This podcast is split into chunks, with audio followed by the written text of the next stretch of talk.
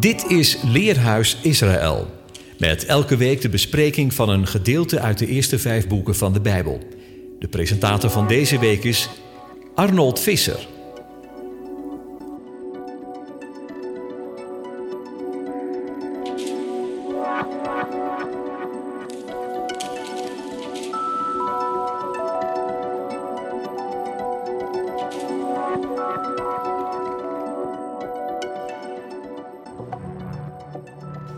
Luisteraars allemaal, hartelijk welkom bij weer een uitzending van het Leerhuis. We zijn bijna aan het einde van het jaar 2021 gekomen en dat brengt ons bij de dertiende lezing uit de Torah-cyclus. De parasha met de titel Shemot. De hoofdtekst vinden we in Exodus 1 vers 1. In het begin staat daar de volgende tekst. Het is het tweede boek van de Hebreeuwse Bijbel. Dit zijn de namen, Shemot, van de zonen Israëls die naar Egypte zijn gekomen. Met Jacob elk met zijn huis zijn ze gekomen. Ruben, Simeon, Levi en Juda. Ischachar, Zebulon en Benjamin. Dan, Naphtali, Gad en Aser. Heel het zielental van wie zijn voortgekomen uit de heup van Jacob is zeventig zielen. De parasha van deze week en het tweede boek van de Torah dragen de titel Shemot, wat staat voor namen. Het verhaalt onder andere over de geboorte en het opgroeien van Mozes, maar ook van een volk. Mozes vlucht in eerste instantie weg van zijn volk, maar na een lange tijd en door tussenkomst van de ene gaat hij weer terug, om dan als leider het volk uit te leiden. Het volk dat in Egypte in slavernij leeft, maar ondanks onderdrukking vasthoudt aan zijn identiteit. In onze Bijbel heeft het tweede Bijbelboek de naam Exodus meegekregen, hetgeen uittocht betekent. Een uittocht die van grote betekenis is geweest voor het Joodse volk.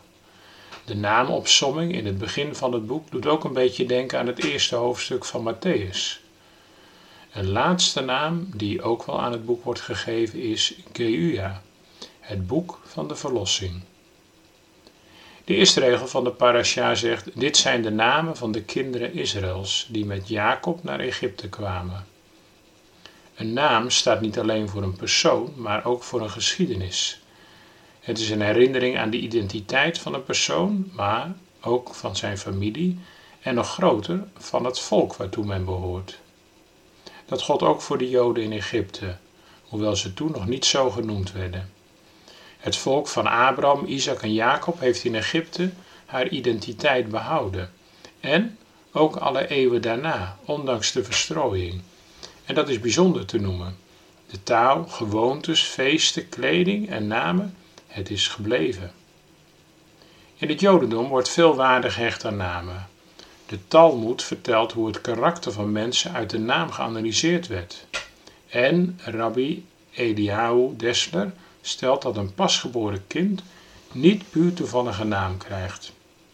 De naam die ouders in hun hoofd hebben geldt als een Neua Ketana, een kleine profetie zogezegd, omdat in de naam het wezen van het nieuwe kind tot uitdrukking komt. Daarom gelden er veel gewoontes bij de naamgeving. Volgens de Midras heeft ieder mens drie namen.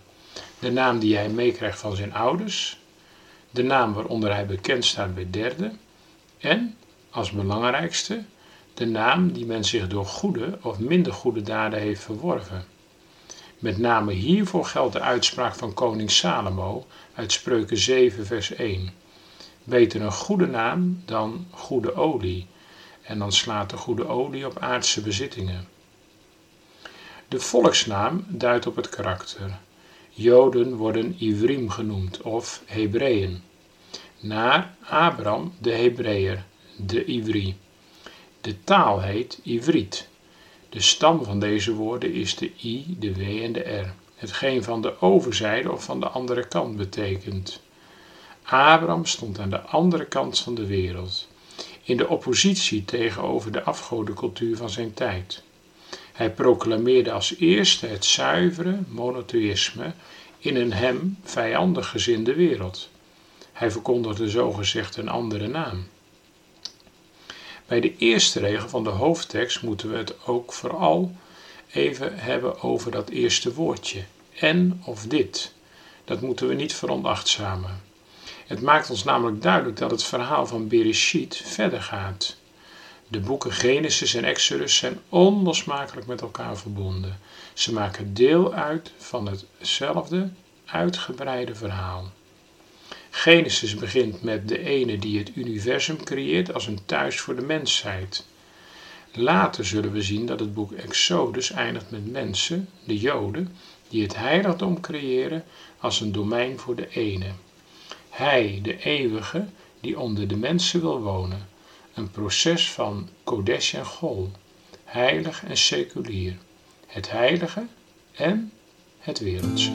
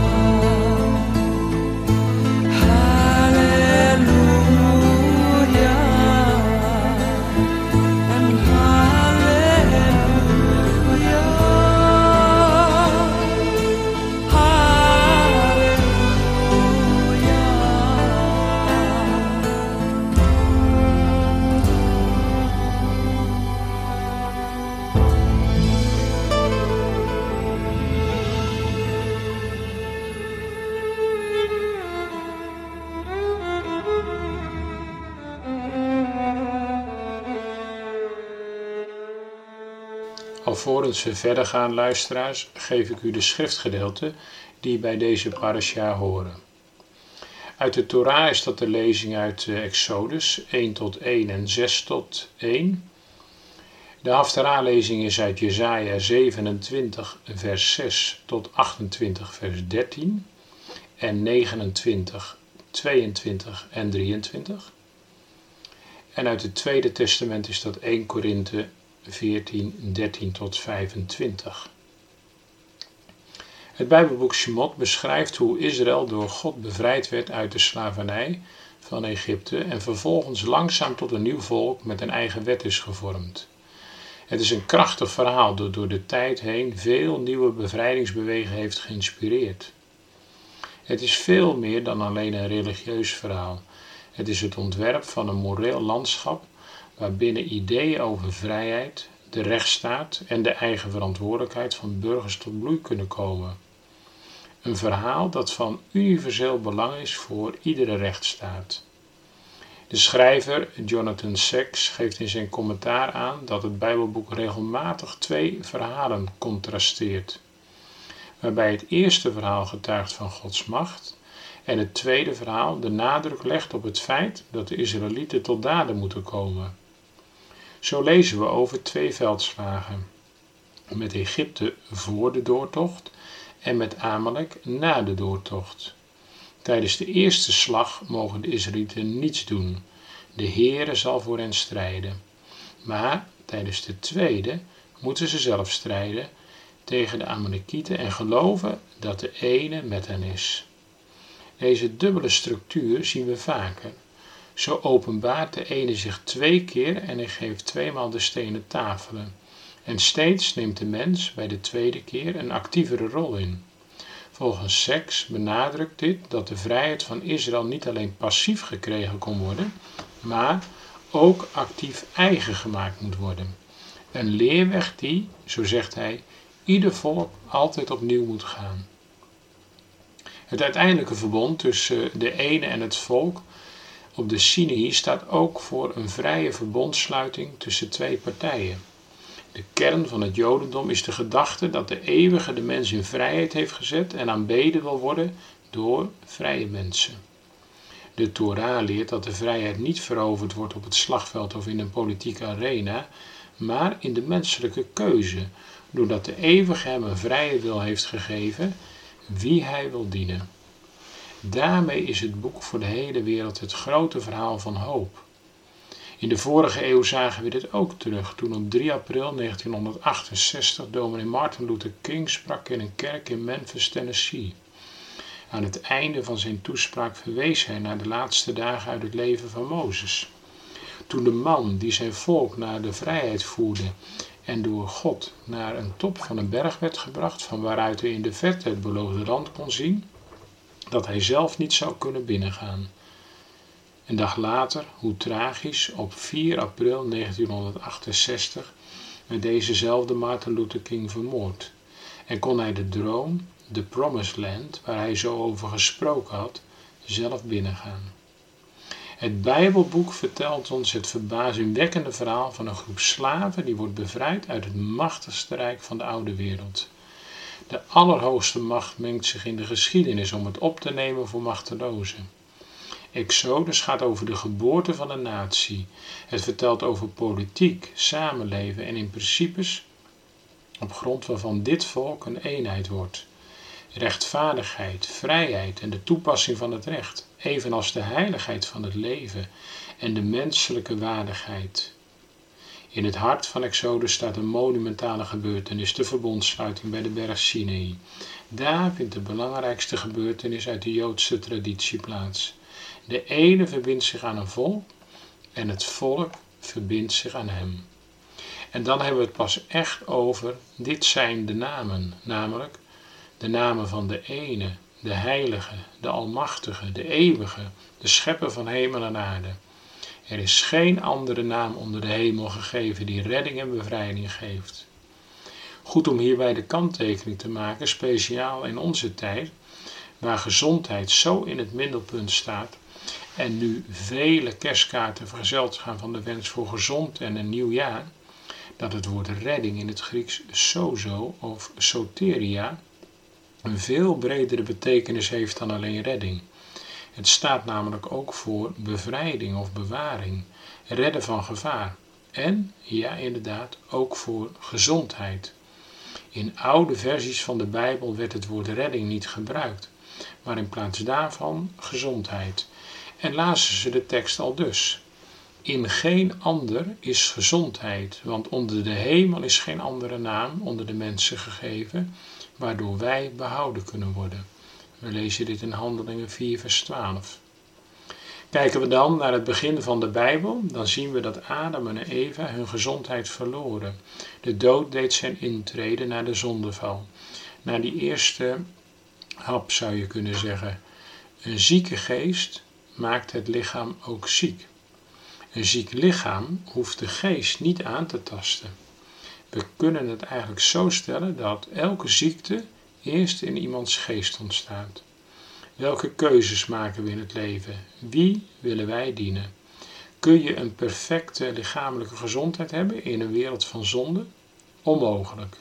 Maar je kunt wel waken voor een hele goede geestelijke gezondheid door dicht bij de naam boven alle naam te leven.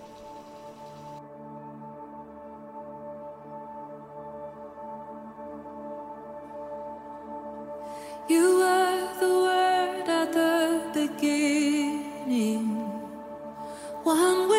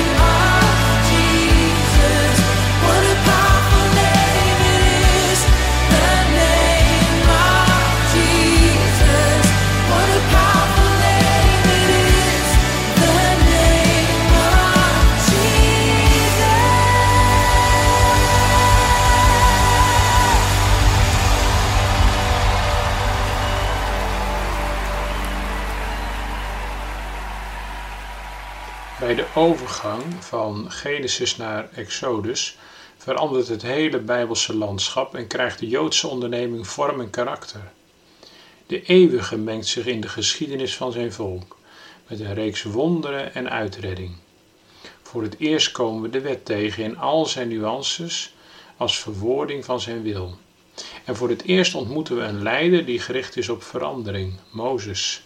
Hij treedt tevoorschijn uit de schaduw van een vreemde, onwaarschijnlijke jeugd en wordt ondanks al zijn aarzelingen de man die vanaf die tijd tot nu toe zijn stempel heeft gedrukt op het Joodse volk.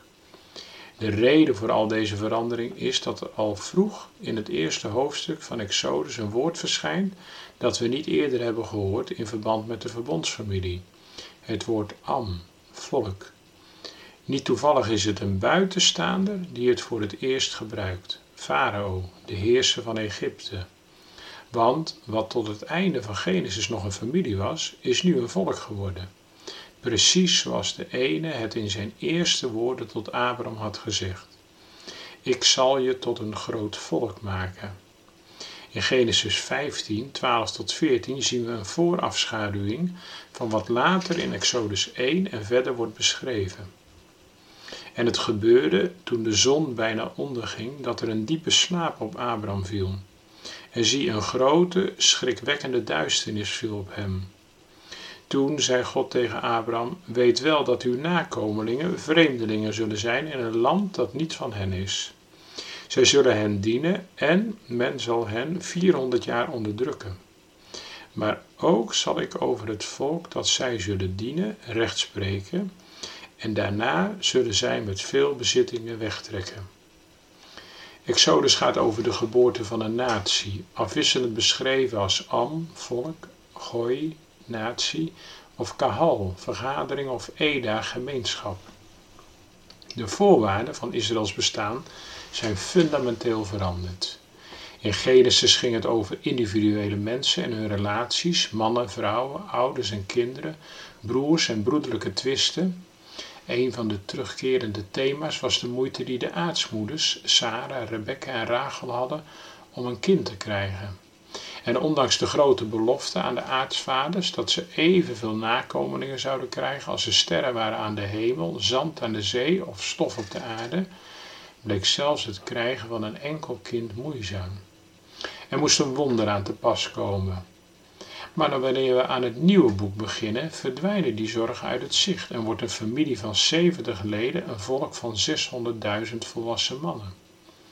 De Israëlieten, zo horen we in een waterval van woorden, kregen veel kinderen en zo breidden ze zich steeds meer uit. Ze werden zo talrijk dat ze het hele land bevolkten. Zelfs een poging van Farao om de groei van dit volk te beperken door de Israëlieten te onderwerpen aan zware arbeid mislukt volledig. Maar hoe meer de Israëlieten onderdrukt werden, des te talrijker werden ze. In de kern gaat het erover, over het gebruik van macht en het misbruik daarvan. Exodus laat ons heel eerlijk de risico's zien die aan macht kleven. Het kan worden gebruikt om mensen te onderdrukken, tot slaaf te maken en in het ergste geval zelfs te vermoorden. Want dat is het voorstel van Farao aan het begin van het boek Exodus. Wat deed het volk verkeerd? Deden ze Egypte iets aan? Ze leefden gewoon hun leven de haat was er onder meer omdat zij als een vijfde kolonne werden gezien. Daarom moest het volk onderdrukt worden en werden hen zware lasten opgelegd. De Egyptenaren maakten hun leven bitter en de term arbeid macht vrij komt ons ook vanuit de Torah op deze wijze dan toch bekend voor. De slavenarbeid waaronder het Joodse volk gebukt ging was geen gewone slavernij. Het was een slavenarbeid dat het lichaam brak en afmatte. De slavenarbeid had geen maat noch nut. De namen van de steden die zij moesten bouwen, die duiden dit al aan, Pithom en Ramses. Ze waren niet geschikt om tot voorraadsteden gebouwd en versterkt te worden. Pithom, in het Hebreeuws genaamd plotseling, was de stad die altijd onverwacht instortte. De opbouw daarvan was zinloos.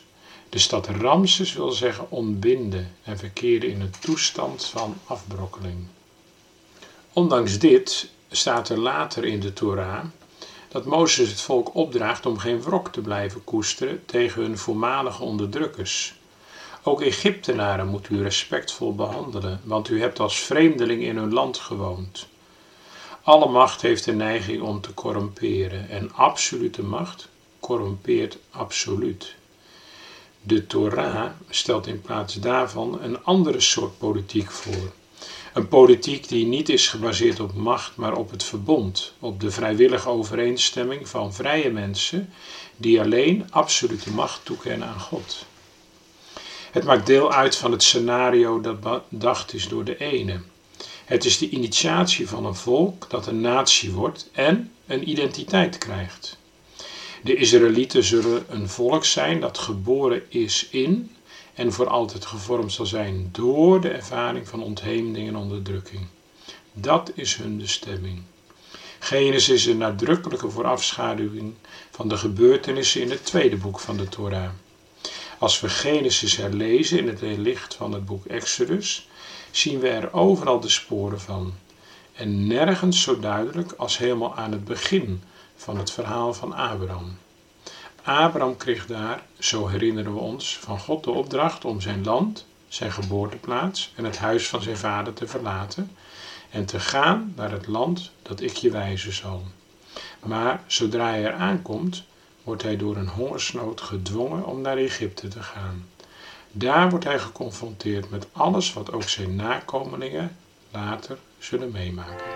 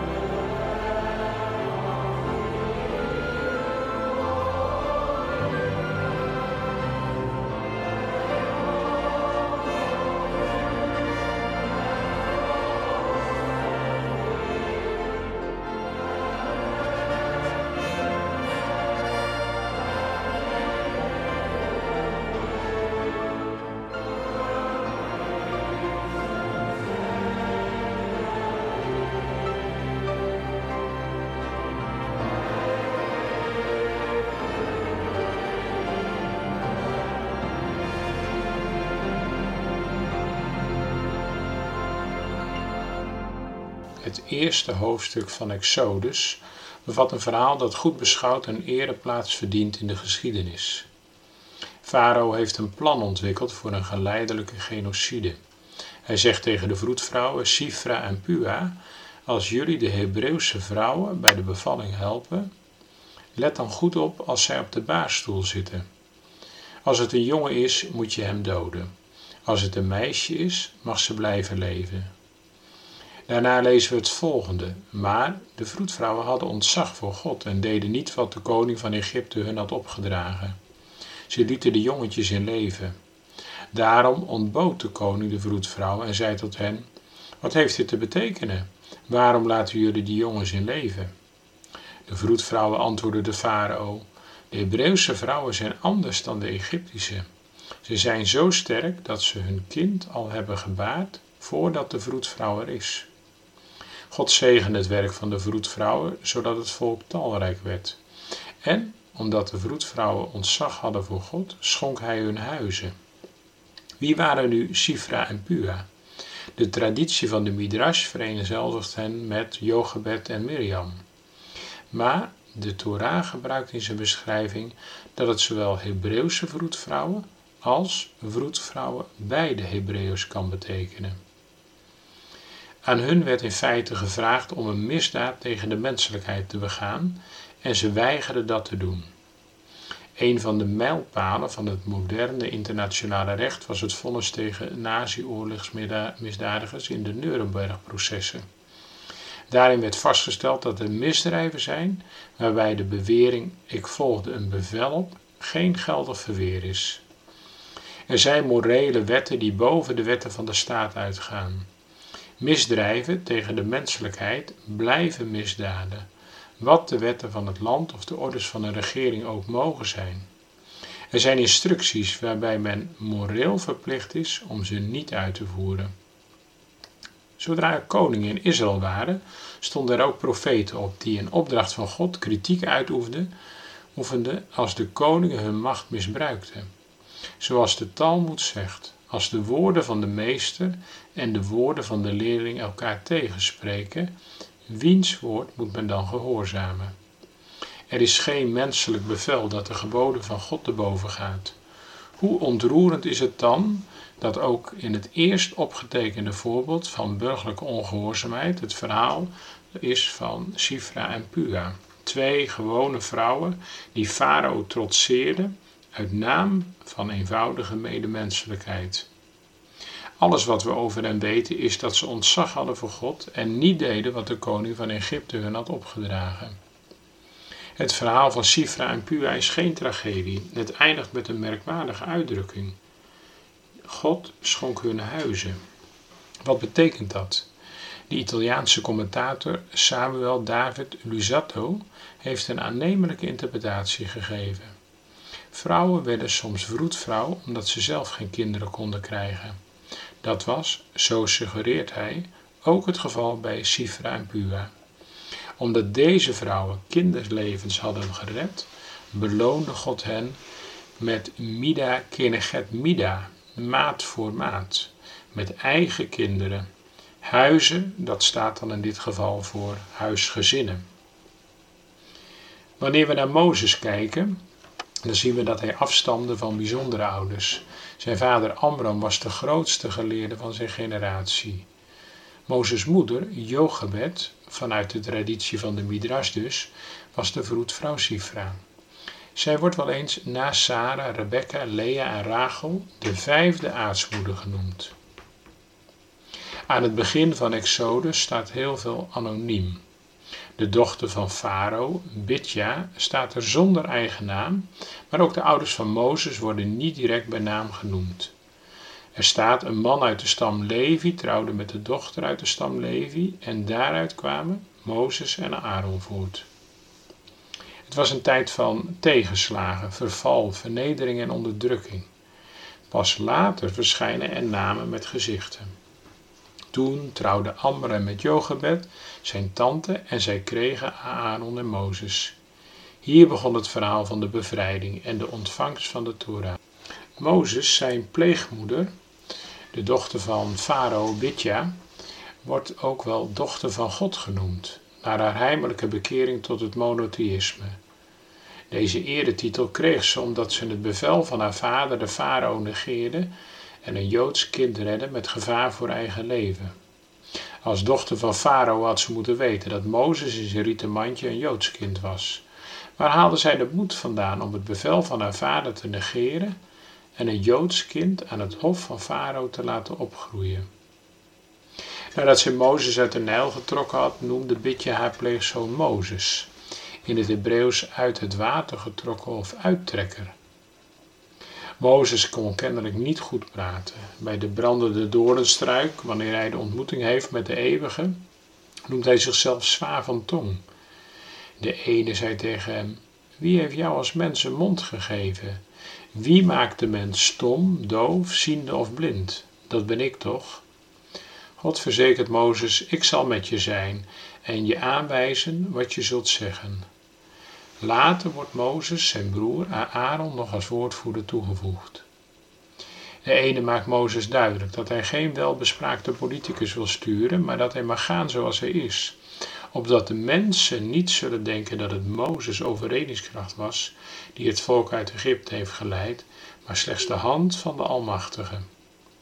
Mozes was, of ondanks, of misschien juist door zijn nabijheid met de Eeuwige, de nederigste mens op aarde. Hij begreep dat alles van boven kwam.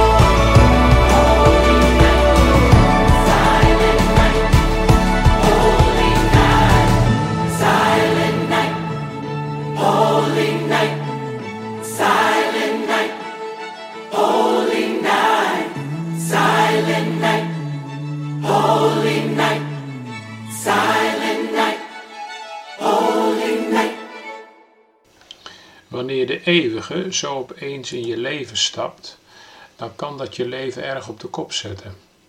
Dat zien we ook bij Mozes en zijn ontmoeting met de Heer. Het is de ene die omziet naar zijn volk. Hij daalt naar hen af en openbaart zich op een bijzondere wijze in een brandende doornstruik.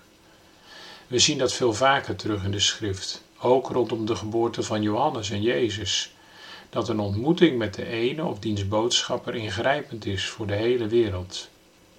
Zacharias en Elisabeth waren oud, waarschijnlijk tussen de 60 en 70 jaar. Ze hadden hun leven lang met God gewandeld en het was een open relatie. je zou kunnen zeggen dat ze alles van God verwachten en dat deden ze ook. Maar ze wisten ook hoe het was om strijd te hebben. Ze stonden er middenin. Het ging bij hun verder dan alleen het vervullen van de verlangens van bijvoorbeeld het ontvangen van een kind. Er was beloofd dat een nakomeling van David op de troon van Jeruzalem zou zitten, en niet Herodes de Edomiet, een zoon van Esau. Wanneer Zacharias aan de beurt is om te bidden voor het volk, dicht bij het heilige der heiligen, zal hij gezegd hebben, ontferm u over uw volk en kom. Het kan toch niet zo wezen dat we overgeleverd zijn aan de Romeinen? En terwijl hij bidt, verschijnt er een engel en die zegt, uw gebed is verhoord. Daar in de tempel klinkt een stem vanuit de hemel, verhoring vanuit de hemel. De tijd van Advent en Kerst is uitzien naar de hemel en omzien naar de hemel. We mogen er naar uitzien dat de hemel zich openbaart aan ons. We hebben een levende Heer die zich met ons wil inlaten. We hebben een hoge priester in de hemel, Yeshua, die voor ons bidt en pleit. Hij wil zich aan ons geven. Zacharias krijgt het te horen: Uw gebed is verhoord en uw vrouw zal een zoon baren. Een oud verlangen wordt op een onverwachte manier alsnog vervuld. Deze twee mensen worden betrokken bij de, bij de verhoring op het gebed van Israël. Ze waren rechtvaardig voor God, maar dat bracht niet het heil. Hij kwam en komt ons tegemoet. Een nieuw begin vanuit de hemel. Op hun oude dag worden ze ingeschakeld om de verlossing in te luiden voor de wereld. De ene komt niet met veel tamtam -tam de wereld in, hij komt via twee oude mensen. En dat is niet zo boeiend op het eerste gezicht. En toch gebeurt het wel. De verlossing voor de mensen en voor ons. En na de geboorte van Johannes volgt het grootste wonder, met de geboorte van de vredeworst in het broodhuis Bethlehem. Gods enige geboren zoon, de gezalfde, Yeshua HaMessiach. Hij die gezondheid schenkt aan wie maar wil. Het koninkrijk neemt niet met veel lawaai toe, dat gebeurt stilletjes, stille nacht zo gezegd. In de Joodse traditie wordt zijn heilige naam ook stilgehouden bij gebeden en lezingen uit de Torah. In het dagelijks taalgebruik wordt zijn naam vervangen door Hashem, de naam als verwijzing naar barmhartigheid en zijn eeuwigheid. Op die manier kom je de naam ook op straat tegen. Nogal eens antwoordt iemand op de vraag hoe het met hem gaat met Baruch Hashem, gezegend zij de naam. De nabijheid die uit de naam spreekt, neemt niet weg dat de onuitspreekbare naam ook aangeeft dat hij ver verheven is boven de mensheid. Tegelijkertijd is hij het die zich verbindt met onze geschiedenis door zijn volk te leiden. Door de tijden heen is de ene zijn volk nabij en ook wij mogen leven met die belofte. Ik ben met u al de dagen tot aan de voleinding der wereld. Baruch Hashem. Ik wens u allen een Shabbat Shalom en gezegende kerstdagen. Bedenk, Immanuel, wat er ook gebeurt, de Almachtige zij met ons.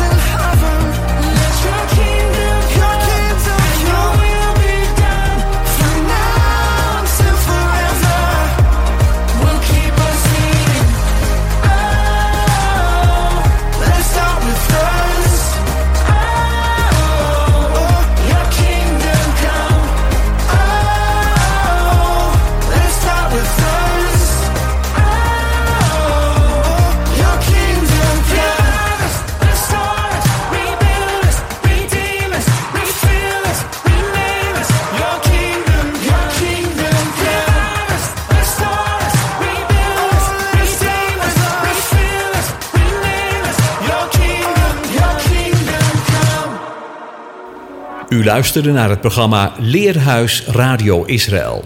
Een wekelijkse studie aan de hand van de Bijbelgedeelten die wekelijks door de Joodse gemeenschap worden gelezen.